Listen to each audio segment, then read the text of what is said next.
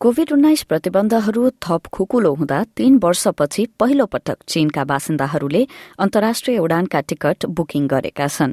तर सीमा खोल्दै गर्दा कोविड मामिला बढ़ने क्रम भने जारी नै रहेकाले पछिल्लो परिवर्तनलाई लिएर देशभित्र र अन्तर्राष्ट्रिय स्तरबाट मिश्रित प्रतिक्रिया आएको छ।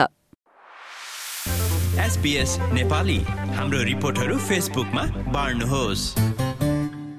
चीनका धेरै मानिसहरूले विदेशमा यात्रा गर्नका लागि टिकट बुक गर्न खोजिरहेका छन्। बेजिङले आगामी महिना आफ्नो सीमा खोल्ने घोषणा गरेसँगै टिकट बुक गर्ने वेबसाइटहरूमा ग्राहकहरूको ओइरो लागेको छ। तीन वर्षदेखि बन्द रहेको सीमा खोल्ने निर्णयसँगै सो राष्ट्रले शून्य कोविड नीतिलाई त्यागेको संकेतका रूपमा हेरिएको छ।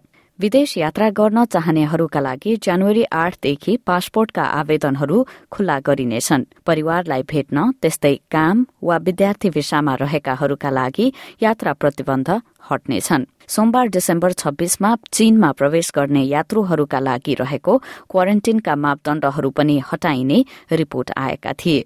तर सीमा खुलिरहँदा संक्रमण मामिलाहरूमा भने निरन्तर वृद्धि देखिएको छ।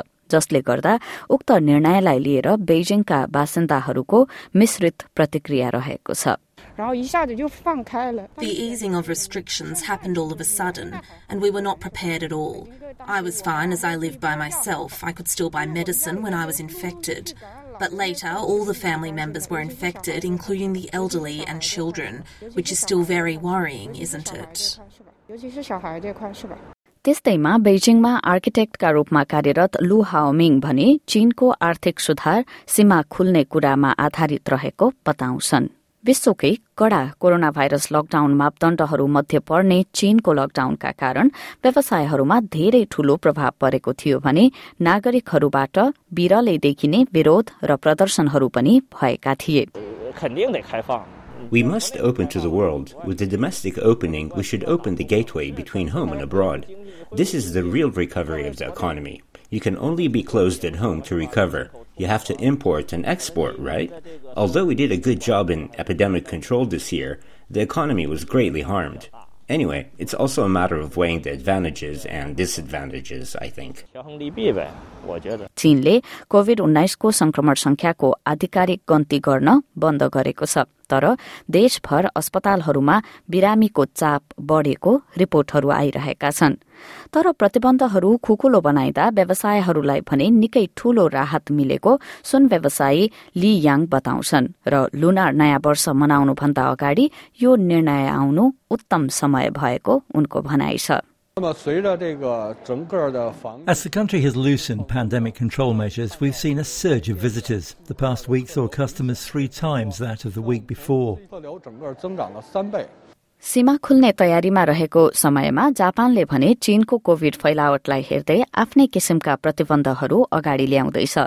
मंगलबार प्रधानमन्त्री फुमियो केसिडाले डिसेम्बर तीसदेखि जापानले मूल भूमि चीनबाट आउने पर्यटकहरूको लागि सीमामा कड़ाई गर्ने घोषणा गरेका छन्।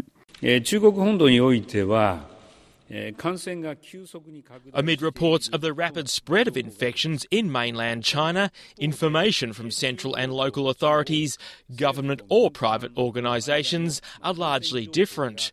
The situation makes information gathering very difficult, and there are growing concerns in Japan.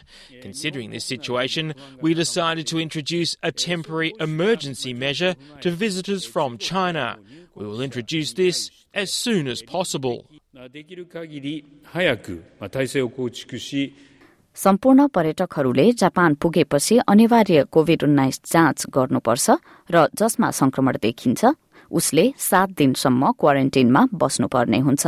Japan र चीन बीच उडान पनि सीमित संख्यामा मात्र हुनेछन् एसपीएस न्यूजका लागि हेना कुवनद्वारा तयार पारिएको रिपोर्ट एसपीएस नेपालीका लागि सुनिता पोखरेलबाट